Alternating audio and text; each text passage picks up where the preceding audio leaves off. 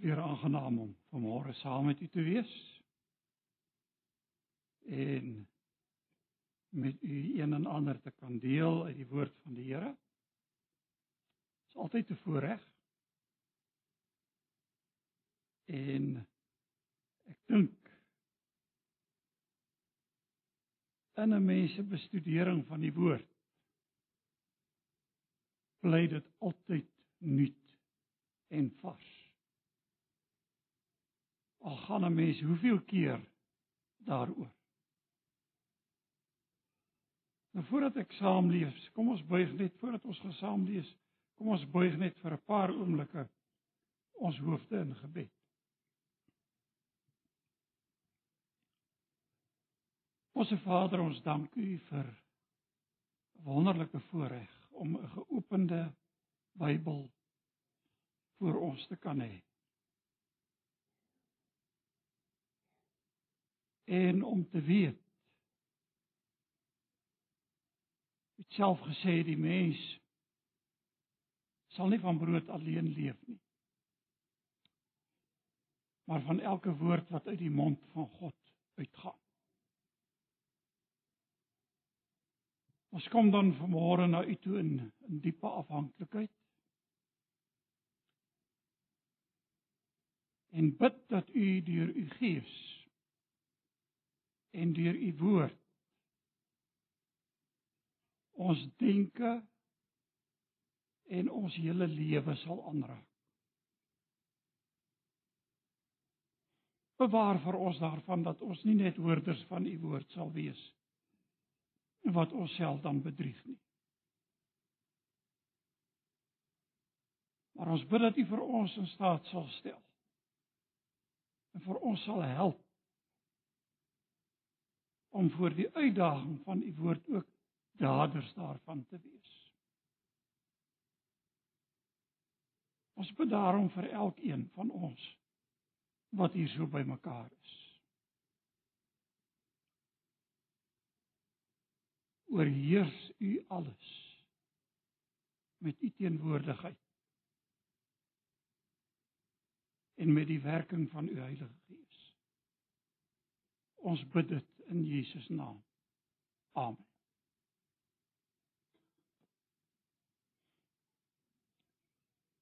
Nou soos verlede week, verlede Sondag wat ek aan u beloof het, gaan ons nou voort met Romeine 12, 13 en 14 en 15. En uh nou moet ek dadelik vir u sê ek het die hele gedeelte voorberei gehad vir laas Sondag. Maar laas Sondag was ons in staat om net by die eerste 3 verse van hoofstuk 12 stil te staan, eintlik die eerste 2. Nou uh nou weet ek nie of ek dapper is om te sê nou maar kom ons kyk of ons die res kan klaarmaak vandag nie.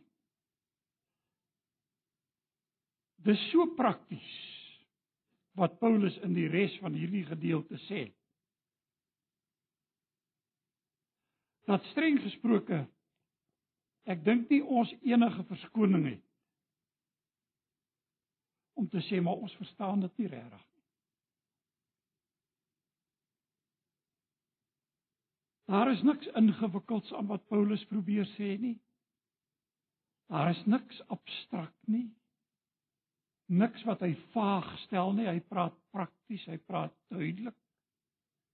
Wat dat ons in die praktyk moet doen as mense wat geregverdig is deur die deur die geloof en staan in die geregtigheid van God. Nou kom ons Ek gaan nou nie ek het verlede Sondag met die hoofstuk 12 vers 1 tot 8 gelees. Nou ek gaan weer terug vanaf vers 3 tot 8 met u behandel en verder aan, maar ek wil tog net verder lees uh hier vanaf vers 9, Romeine 12 vanaf vers 9. Nou moet ek ook dalk net in die begin vir u sê dat Ek het 'n kader verlede week voorgehou waarin ek verduidelik het hoe dat ek die struktuur verstaan hoe dat die apostel Paulus wanneer hy oor die prak praktyk praat. Hoe dat ons moet leef as mense wat geregverdig staan in die Here Jesus voor God, nie uit onsself nie. Wat is die invloed? Wat is die impak daarvan in ons lewe? En toe het ek daarop gewys hoe dat Paulus vir ons dit sê binne die gemeente. Hoe tree ons op binne die gemeente teenoor mekaar? En dan buitestanders. En dan teenoor die owerhede. En dan uiteindelik teenoor medegelowiges waar daar tog so 'n bietjie soms verskil van opinie bestaan. Nou so was dit voorberei. Maar in hierdie week wat verby is, het ek ontdek Paulus laat hom nie so maklik binne 'n preekkader vasvang. En glo dit as jy wil of nie, ek moes in hierdie week wat verby is, maar weer aan die kader gaan skaaf en maar weer veranderinge aanbring soos wat die apostel Paulus dit in hierdie gedeelte stel. Want u sien, hy sluit nie alles af en praat net oor 'n verhouding binne die gemeente nie. Tussenin gooi hy ook ander sake by. En dan praat hy weer oor verhoudinge tussen die tussen gemeentelede sodat ek uiteindelik toe nou gesê het maar dan moet ek eintlik maar praat oor Paulus wat skryf oor hoe staan dit binne die gemeente ten opsigte van gawes. Want dis wat hy hier vanaf vers 3 in in in in hoofstuk 12 behandel wat ons nou nie vanoggend saam gelees het nie. Maar ons gaan aandag daaraan gee en u sal dit kan volg in die Bybel. En dan het ek nou weg beweeg van Paulus wat sê hoe ons moet optree teenoor mekaar en buitestanders en dit eintlik maar gesê het hoe tree die gemeente op teenoor vriend en vyand? Want ons kan dit nie afbaken binne hierdie konteks van hierdie skrifgedeelte in presiese lyne en sê hier is dit en hier is dit en hy het dit afgehandel. So ons sal dit so deurwerk en dan natuurlik kom hy uiteindelik by die owerhede en teenoor diegene met wie ons van opinie baie keer verskil. Nou goed. Kom ons gaan terug. U sal onthou verlede week het ons daai eerste twee verse behandel oor die motivering. Nou wil ek net vir u lees vanaf vers 9 hoofstuk 12. Die liefde sê die apostel Paulus moet opreg wees verafskie wat sleg is en hou vas aan wat goed is. Betoon hartlike broederliefde teenoor mekaar. Bewys eerbied teenoor mekaar en wees mekaar daarin tot voorbeeld. Moenie in julle toewyding verslap nie.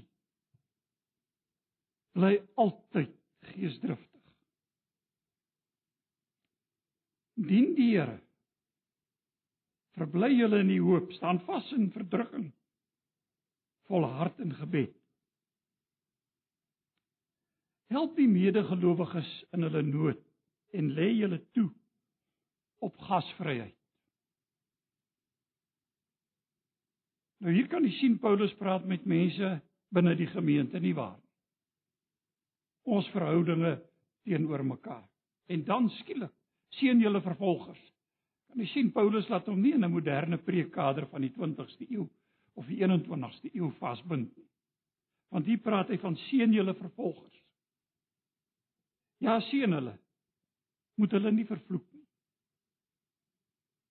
En dan praat hy weer met verhoudinge binne en wees bly saam met die wat bly is en treur saam met die wat treur. Wees eensgesind onder mekaar. Moenie hooghartig wees nie, maar skaar julle by die nederiges. Moenie eie wys wees eie wys wees nie. Moenie kwaad met kwaad vergeld nie. Wees goedgesind teenoor alle mense. En nou is die apostel Paulus weer breedweg besig om te praat. Goedgesind teenoor alle mense as dit moontlik is. Sover dit van julle afhang, leef in vrede met alle mense. Moenie wraak neem nie, geliefdes, maar laat dit oor aan die aan aan die oordeel van God. Daar staan immers geskrywe: Dit is my reg om te straf. Ek sal vergeld, sê die Here. As jou vyand honger is, gee hom iets om te eet. As hy dors is, gee hom iets om te drink. Wanneer dit te doen, maak jy hom vuurrooi van skaamte. Moet jy nie deur die kwaad laat oorwin nie, maar oorwin die kwaad deur die goeie. Kan jy sien wat het ek bedoel wat ek toe ek gesê het die apostel Paulus is so prakties en so eenvoudig in dit waaroor hy praat van die wyse waarop u en ek in die praktyk ons kristendom moet uitleef. Dat geen mens het 'n verskoning as jy dit gelees het. Om te sê maar ek het nie verstaan. Of ek het nie geweet nie. Want dit is so eenvoudig en so duidelik. Nou die apostel Paulus het in hoofstuk 12 begin deur die deur die gelowige en die gemeente se optrede in die lig van die gawes wat ons ontvang het. Dis die eerste saak en dit het ons nou verlede week saam gelees hier vanaf vers 3. En hierdie is 'n verskriklike belangrike saak want weet jy die apostel Paulus begin in vers 3 en hy sê kragtens die genade wat aan my gegee sê ek vir elkeen van julle moenie van jouself meer dink as wat jy behoort te dink nie. Nee.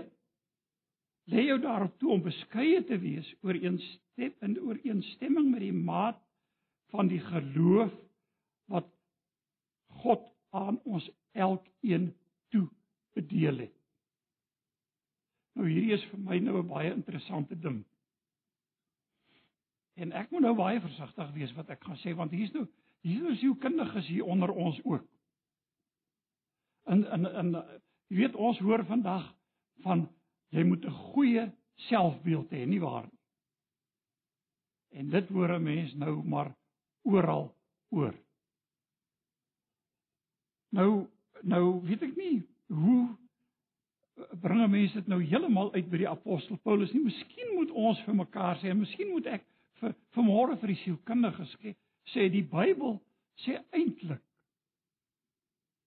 ons moet 'n Christusbeeld hê. Hy moet gestalte vind in my lewe. Want as ek mooi na die Bybel gaan kyk en as ek die apostel Paulus mooi verstaan en julle sal nou onthou en ek moet nou amper sê so 'n paar jaar terug al het ons daaroor gepraat. Die hele wêreld en ek en almal van ons is doemwaardig voor God. Ons is almal skuldig voor God. Ons het niks om op te roem nie. Maar hier kom die apostel Paulus nou en hy vermaan die gemeente en hy sê vir hulle kragtens die genade wat aan my gegee is met ander woorde die gawe wat hy ontvang het sê ek nou vir julle elkeen moenie van jouself meer dink as wat jy behoort te dink nou ek dink nie hierdie vraag vir 'n uh, sal ons sê 'n gemaakte beskeidenheid nie 'n aangeplakte nederigheid. Jy weet, ons kan partykeer so nederig wees, ons roem daarin. Dis nie waarvan Paulus praat nie. Want luister wat sê hy? Hy sê moenie van jou meer dink as wat jy behoort te dink nie. Waarom nie? Want God het verskillende gawes aan sy gemeente gegee. En nou sê Paulus nee, wees beskeie na die maat van die geloof wat God aan elkeen toe bedeel het.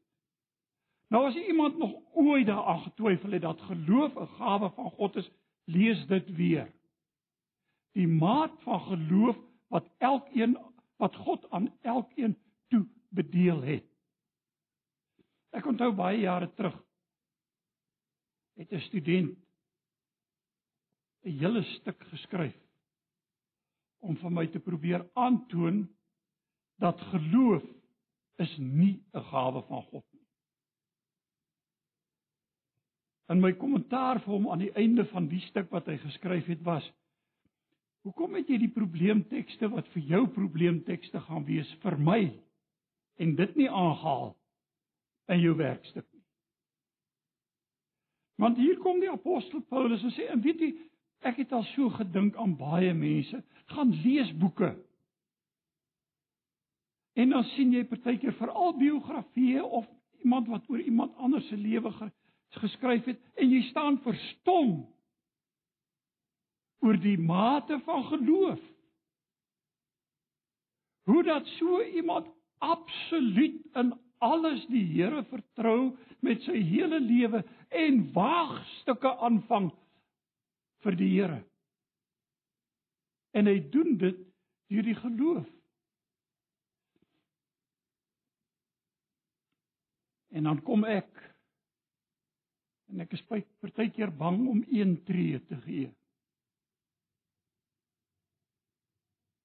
En ek is huiwerig.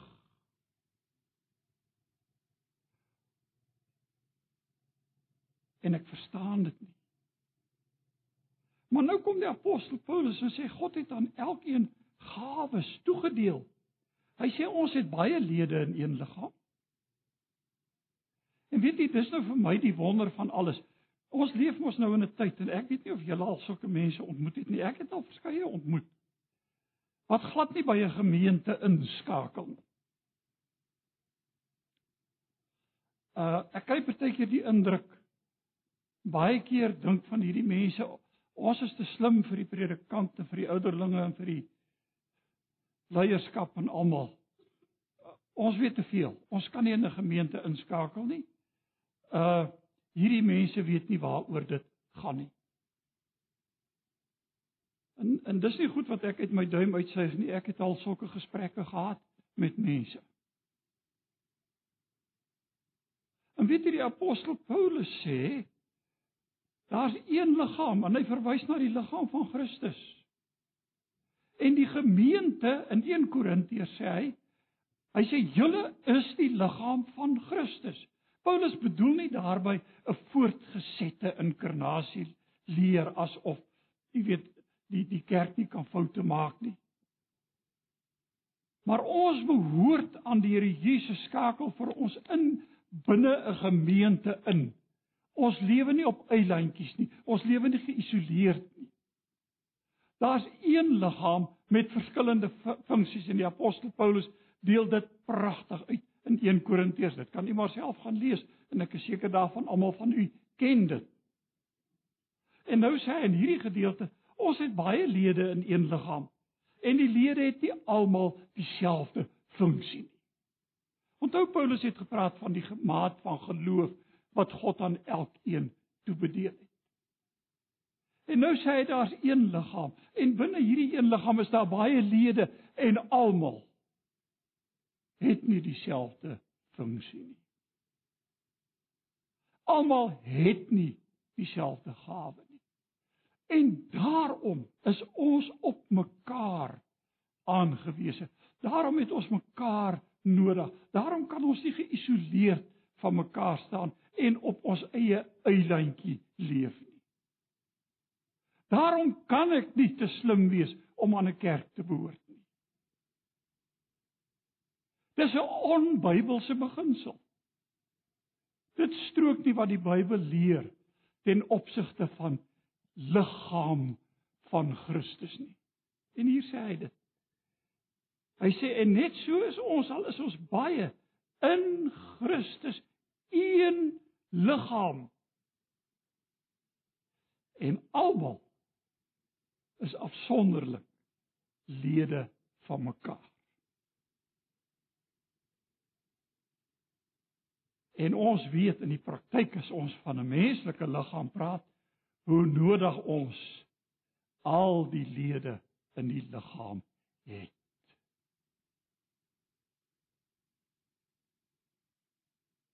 En so geld dit vir die liggaam van Christus. En dan praat die apostel Paulus van hierdie verskillende gawes wat God toebedeel het. En dis in daardie konteks wat hy gesê het ons moet beskeie wees na die maat van die geloof wat ons ontvang het. Almal het nie dieselfde gawe ontvang. En nou noem die apostel Paulus hier sewe sake wat hier ter sprake kom in terme van gawes. En natuurlik as jy dit nog gaan vergelyk met Korintiërs en jy gaan kyk na ander gedeeltes, is alles nie altyd dieselfde nie. Omdat die apostel Paulus verskillende gemeentes en verskillende omstandighede aanspreek. En wat hy in hierdie gedeelte doen en ek wil hê dit net vinnig daarna kyk. Ons het genadegawes wat van mekaar verskil volgens die genade wat God aan elkeen van ons gegee het. As dit die gawe van profesie is. En nou weet jy, die oomblik as ons nou aan profesie dink, dan dink ons aan toekomsvoorspelling. Ag dit het mos nou al 'n spreekwoord geword. Uh Ek is nou nie 'n profeet nie. Maar as ek na dit en dit kyk, dan sê ek vir julle wat gaan gebeur. Ons praat mos maar so. En in daardie konteks het 'n profetiese woord by ons die indruk geskep van dit gaan net oor toekomsvoorspelling. En dis nie waaroor profesie alleen gaan nie. Gaan lees maar die profete in die Ou Testament. Profete daar se taak was om die wil van God vir die volk in die hede duidelik te maak met die oog op die toekoms en te sê wat sal gebeur as hulle nie gehoorsaam is nie. En natuurlik is daar profetiese aankondigings wat toekomstig gerig is. Ons lees dit in die Bybel, ons lees dit in die Nuwe Testament. So dis deel daarvan, maar dis nie al nie. Dit gaan ook gewoon om die woord van God en die wil van God bekend te maak. Nou sommige kommentare reken dat dit gaan hier oor geïnspireerde woord spreek. Ek dink die klem val en weet jy die die uh die uh multivertaling het het 'n ander voorstel. Hy sê as dit die gawe is om God se woord te verkondig. Nou dis 'n manier om dit te sê en miskien is dit 'n bietjie meer as dit. Maar dit gaan oor hierdie gawe wat God gegee het om sy woord te verkondig. Laat ons dit gebruik in ooreenstemming met die geloof wat ons bely. Letterlik staan daar net met die geloof. Die nuwe vertaling het dit verduidelik deur by te voeg met die geloof wat ons bely en dis duidelik dat dit die bedoeling is van hierdie gedeelte. Met ander woorde, as ons hierdie gawe het om God se woord te verkondig, as ons hierdie profetiese gawe dan het, doen dit in ooreenstemming in ander woorde met die waarheid. Jou en my taak en ons verantwoordelikheid is om toe te sien dat altyd dat deurentyd die waarheid verkondig sal word. En hoe toets ek die waarheid anders as aan die woord van God? Dis die toetssteen. En daarom glo ek dis die taak van elke lidmaat en dan ook vir al die ouderlinge om ook toe te sien. En as ek hier vir u 'n boodskap bring om toe te sien dat dit waarheid is, dat ek getrou is aan die woord van God. En dat ons die waarheid sal kan onderskei en raak sien waaroor dit gaan want hy sê as dit profesie is laat ons dit gebruik in ooreenstemming met die geloof wat ons bely. So dis 'n belangrike saak. Dan gaan hy aan en hy noem ook ander sake. Baie praktiese sake wat in die gemeente na vore kom as dit is om te dien hier gaan dit oor diensbaarheid Ek weet nie wie van julle as ons as ek as as Nelly en ek nou hier na toe reis is nou vanoggend nou weer sit ons nou maar die radio aan en dan luister ek nou na my eerste erediens oor die radio. En vanoggend het 'n predikant hier van Middestad Pretoria, ek kan nou nie eers die man se van onthou nie. Het hy gepreek oor werk. En daar's dalk van julle wat dit gehoor het, ek weet. Was nogal aangrypend. Ons gesindheid teenoor werk. Want wat ons doen was 'n uitgangspunt. Doen ons vir die Here. Of dit nou my sekulêre betrekking is waarin ek staan, of dit my diensbaarheid hier binne die gemeente is, wat ek doen, doen ek nie vir myself nie. Ek doen nie om gesien te word nie. Ek doen dit vir die Here. En nou kom hy hier met diensbaarheid. As dit is om te dien, sê hy, laat ons dien. Een van die beginsels wat baie baie belangrik is in die gemeente. Diensbaarheid, diensbaar aan mekaar. Wat het Jesus gesê? Weet jy, jy kan na al hierdie goed gaan kyk en ons het die lied gesing net nou. Dat ek soos Christus sal wees vir my broer. En Jesus het gesê ek het nie gekom om gedien te word nie, maar om te dien. 'n Gesindheid van diensbaarheid en dan dien die die die multivertalings vertaling stel voor, multivertaling stel voor vertaal dit met dien voluit. Wat jy doen, doen dit voluit. As dit is om onderrig te gee, Nou ja, laat ons onderrig gee. Dit gaan oor leer. Dit jou gawe is. Doen dit. As dit is om mense te bemoedig, laat ons hulle bemoedig. En ag, het ons nie 'n behoefte daaraan nie. En kyk hoe prakties is Paulus. As ons gee, laat dit wees sonder bybedoeling.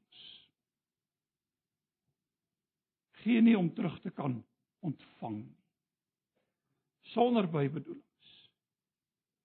As ons leiding gee enige leier, doen dit met toewyding.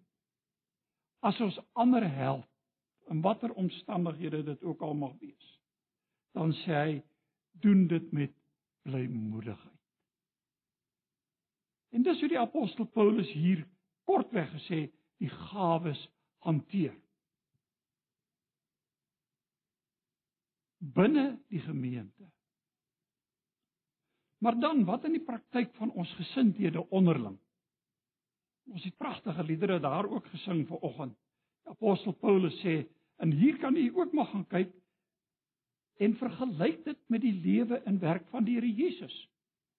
Dan sien jy dit raak. Hy sê die liefde moet opreg wees. Liefde moet opreg wees. Vir afskuw wat sleg is. Nou ek het so 'n bietjie na die woorde gaan kyk. En uh alternatiewe woorde oorweeg se baie sterk woord wat hier gebruik word as hy sê vir afskuw wat sleg is. Eintlik sê hy letterlik jy moet party vertalings het haat dit. Haat wat sleg is. En 'n ander moontlikheid is om 'n woord te gebruik soos dit moet vir jou walglik wees. Enige iets iets wat sleg is. Met ander woorde, die liefde moet opreg wees, ongeveins teenoor mekaar. Dit mag nie huigelagtig wees nie. Ons liefde vir mekaar. Dit is wat die apostel Paulus sê. En hy sê dit onder inspirasie van die Heilige Gees. Met ander woorde, dit kom as 'n opdrag van God. Die liefde vir ons onder mekaar moet ongeveins wees. Dit moet opreg wees. Maar weet jy baie baie baie jare terug. Dit was in 'n gemeente, in 'n ander gemeente in Primrose. Het baie van die mense getuig wat lidmate daar geword het. Ons het die liefde raak gesien onder julle.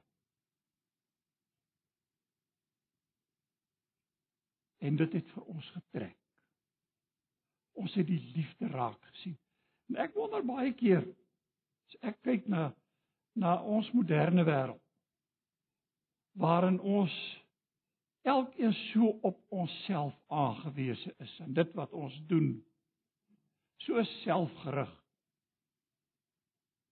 dan wonder ek wat baie keer wat van hierdie opregte liefde geword het en daarmee saam dan verafskie wat sleg is vir afskuw wat sleg is, hang die goeie aanhou vas aan dit wat goed is. En weet jy, ons kan nou maar so vroom wees as wat ons wil.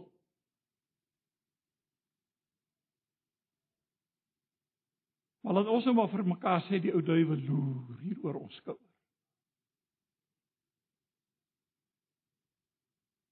En baie keer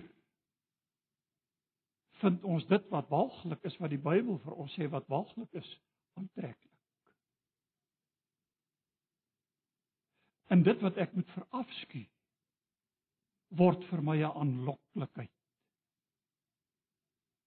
En daarom kom die apostel Paulus en hy sê dit vir die gemeente in Rome. Laat die liefde ongeveins wees. Verafskuw wat sleg is. Hou vas aan die goeie. En hy sou dit nie gesê het as dit 'n vanselfsprekendheid was nie. Hy sê dit omdat dit 'n uitdaging bly vir die kind van God om ongeveinsde liefde te kan openbaar, om te verafskuw wat sleg is en om vas te hou aan dit wat goed is. En dan praat hy van broederliefde. Nou ek het 'n bietjie hieroor gedink. En ek het nou maar sommer vir interessantheid die Griekse woorde neergeskryf wat hier gebruik word want ek weet nie van julle weet ek het daarmee groot geword dat jy drie woorde vir liefde het in die Grieks. Agape en phileo en eros. En die onderskeid tussen die was die agape is die liefde van God wat gee. Phileo is broederliefde.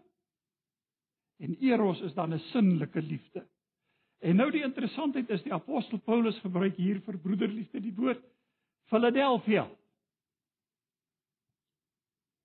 Wat dan dui op broederliefde? Maar nou moet ek ook vir u sê moderne taalkundiges het daarop gewys dat 'n mens nou baie versigtig moet wees om nie sonder meer afleidings te maak nie. Want baie keer word die woorde nie gebruik soos wat ons sou verwag dit gebruik sou word nie. Maar hier gebruik die apostel Paulus dit ten minste soos wat ons sou verwag hy sou dit gebruik. Broederliefde onder mekaar. En weet jy wat praat hy van? Hy praat van hartlike het die Nuwe Afrikaanse vertaling dit gemaak. Hartlike broederliefde onder mekaar. En eerbied teenoor mekaar. Weet jy wat se indruk maak dit selfs teenoor 'n buitestander? Ek was 'n klomp jare terug by 'n baie spoggerige geleentheid. Uh met die bekendstelling van een van die groot teoloë hier wat 'n boek bekend gestel het. En dan nooi hulle mos so 'n paar ouens uit om die bekendstelling by te woon en ek was nou bevoorreg om dit te kom bywoon. Maar dit het nou hier in Pretoria plaasgevind in een van die groot winkelsentrums. Ag, en weet jy, ek is daar so verdwaal as wat kan kom as ek daar inkom, kom ek nie weer daar uit nie want dan weet ek nie meer waar oos of wes of noord of suid is nie. En my jongste dogter was daar op daardie tydstip nog op universiteit. En ek het vir haar gesê asseblief kom kry my daar by die plek waar ons is. Anders te gaan ons mekaar nooit weer kry in hierdie plek. Dis hier Menlo sentrum. En gelukkig het sy dit gedoen en na die bekendstelling en die funksie en alles wat daarmee saamgegaan het en die toesprake stap ons uit. En ek stap toe saam met die baie bekende teoloog uit en 'n professor hier in Pretoria en uh uh ons gesels en daar's my dogter. As hy kom kry my en ek sê toe vir hom ek sê hoorie as ek hier uitkom en ek het nie hulp nie as ek verdwaal toe sê hy nee hy's ook maar so hier. En weet jy wat gebeur terwyl ons stap, stap ons toe saam. En sy 'n jong student. Ek kan nie onthou of sy eerste of tweede jaar was nie. En hy stap saam met haar die hele pad en hy gesels met haar. Die hele tyd. En na die tyd sê vir my sê sy vir my pa, Daar's nie een van my professore wat nog ooit met my gesels het nie. Sy sê en hier kom hierdie bekende ou. En hy voer die hele pad 'n gesprek net met my.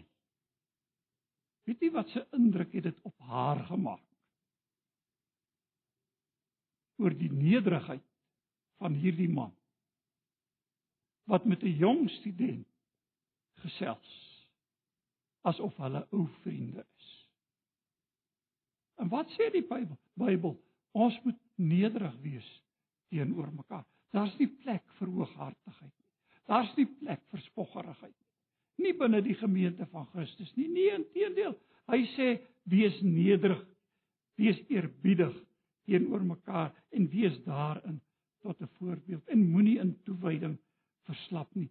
Dien die Here, verbly julle in die hoop. Ek gaan nie al hierdie sake met u behandel nie. Dit is so prakties, die dinge wat ons moet toepas. En wat is ons houding teenoor die wat ons vervolg?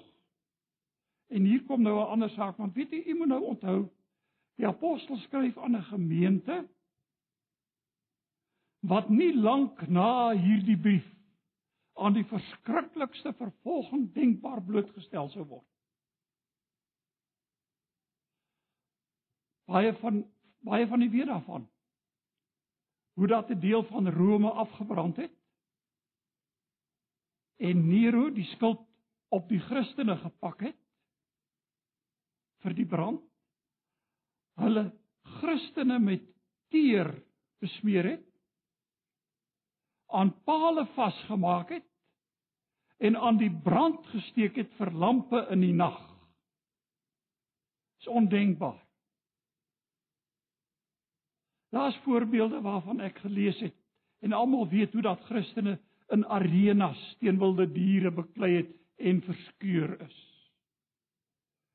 Daar's een van die verhale wat waaroor daar geskryf is van 'n jong vrou wat op 'n bul se rug vasgemaak is. En die dier is tussen roofdiere ingejaag met die vrou op sy rug. vervolging in die ergste sin. En wat sê die apostel Paulus? My broers en susters, ek verstaan nie mooi nie. Ek is met julle eerlik vandag, ek verstaan nie mooi nie. En ek weet nie hoe my optrede sou wees in so 'n situasie nie.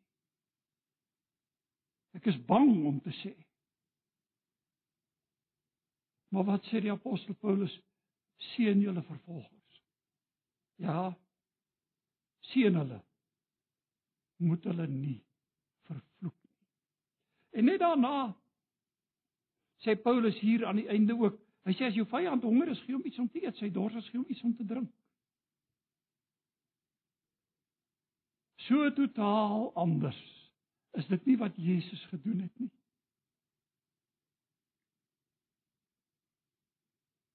Ag, u ken mos die ou liedjie to be like Jesus. So 'n ou koortjie wat ek nou uit uit, uit jonger dae kan onthou. Ek weet nie of julle hom ken nie. Te wees soos Jesus. Te wees soos hy. Dis heiligmaking. In die Bybel sê ja, die heiligmaking na was sonder niemand die Here sal sien nie. En dit beteken te wees soos Jesus. om hom te volg. En dan natuurlik het hy ook praktiese sake hier weer wat die gemeente aanbetref wat hy wanneer hy sê jy moet treur saam met die wat treur. Wees bly saam met die wat bly is. Weet jy ek het vir studente baie keer gesê en dit beleef ons. Hartseer kom in die gemeente. En wat sê jy? weet jy my my reaksie was teenoor van die studente weet ek ek het die indruk dat dat veral en nou nou praat ek eintlik met met met die met die predikante jy wil altyd 'n antwoord gee en jy's veronderstel om altyd gereed te wees met 'n antwoord en broer en suster jy en ek het nie altyd 'n antwoord nie Daar sal die kere wees wat jy maar net dood eenvoudig jou arm om iemand moet sit en saam met hulle huil. waarin jy ook maar sal sê ek verstaan nie. Ek weet nie. En ek het nie 'n antwoord nie. En dan treur ek maar saam met die wat treur. En dis wat die Bybel sê. Omdat ons nie altyd die antwoord het nie. Hy praat van goedgesindheid en sover dit van julle afhang, leef in vrede met alle mense. Nou broers en susters, nou weet ek nou nie. Die tyd het my nou ingehaal. Want ek het my nou voorberei. Ek het selfs 'n boek saamgebring waar ek 'n aanhaling wil lees want die volgende onderwerp is verskriklik interessant. En dis ons houding en ons optrede teenoor die owerhede. Want ook daaroor het Paulus iets te sê. So wat sê die apostel Paulus? Hoe leef ons binne die gemeente in die praktyk ons wat geregverdig is deur die geloof in Christus Jesus hoe leef ons binne die gemeente ten opsigte van gawes? Ons is deel van dieselfde liggaam. Hoe leef ons binne die gemeente teenoor vriend en vyand teenoor die wat binne die gemeente is medelidmate? Maar ook teenoor die wat buite staan Hoe leef ek teenoor hulle?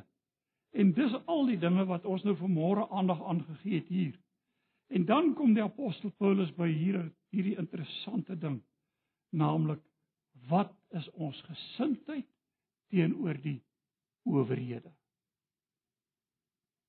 Nou ja, ek gaan nou nie al die voer op een slag gee soos die ou plaasboer waarvan ek verlede Sondag vertel het vir die een oom die volle preek afgesteek het nie.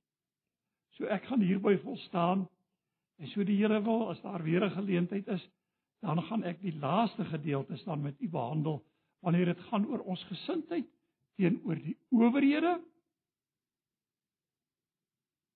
En hierdie is nogal 'n baie interessante saak as jy daaraan dink. Onthou Paulus praat hier nie van 'n demokraties verkose regering. Want Rome het nie 'n demokraties verkose regering gehad nie. Hulle het min verstaan van menseregte. Kom maar gaan kyk na die geskiedenis. Ek het dit gaan lees. En nou sê die apostel Paulus, hoe moet jou gesindheid wees teenoor daardie kan ons sê duistere dik wrede diktatuur waaronder daardie gemeente gestaan. En dan natuurlik kom hy by 'n baie interessante ding uit en dis sal ek ook volgende keer oor praat. Hoe is ons gesindheid teenoor diegene binne die gemeente wat van ons verskil? En daar sal ons maar altyd as daar 'n ek het mos verlede Sondag gesê as daar 'n klomp Afrikaners bymekaar is En dit hoef nie net hulle te wees nie, dis maar reg oor die wêreld. Dan is daar altyd verskil van opinie. En ag kan ons nie partykeer twis selfs oor die Bybel nie. En hoe moet ons optree? Wat moet ons gesindheid wees? Dis die volgende sake wat ek dan met u sal behandel, so die Here wil. Kom ons bid net saam. Here ons dankie vir hierdie paar oomblikke so saam rondom u woord. En ons erken vanmôre ons tekortkominge. En ons dankie dat u woord so duidelik is. Dat ons beskeie moet wees na die maat van die geloof. Ons dankie dat ons aan een liggaam kan behoort deel van hierdie liggaam kan wees. Help vir ons om ons plek vol te staan. En dit wat U aan ons toevertrou het uit te leef tot diensbaarheid vir ander. Help vir ons om die gesindheid van die Here Jesus te openbaar. Teenoor ons medebroer en suster maar ook teenoor 'n wêreld daar buite wat u nie ken nie. Ons bid dit in Jesus naam. En dan as ons nou gaan aansit aan die tafel van die Here, dank ons U vir die liggaam van ons Here Jesus wat vir ons gebreek is. Ons dank U vir die bloed van die Here Jesus wat vir ons gestort is. En ons dankie dat ons deelgenote kan wees van die tafel van die Here. Ons gevoed kan word in ons geloof. Ons bid dat U naam dan ook daarin groots gemaak sal word. Vra dit in Jesus naam. Amen. Ons gaan saam nagmaal vier. Gaan vir u uitnooi nadat ek hierdie gedeelte voorgeles het om in groepies na vore te kom. En uh dan gaan ons soos gebruiklik saam die dood van die Here Jesus herdenk. En die Bybel sê ons doen dit totdat hy kom. Ek wil tog net by wyse van herinnering aan u 'n gedeelte voorlees wat waarskynlik die oudste uh evangelie is wat eers geskryf was. Dis Markus 14 en ek wil net lees hier vanaf vers 22 met die instelling van die nagmaal terwyl hulle eet, dit was nou die Pasga. Het Jesus brood geneem en die seën gevra.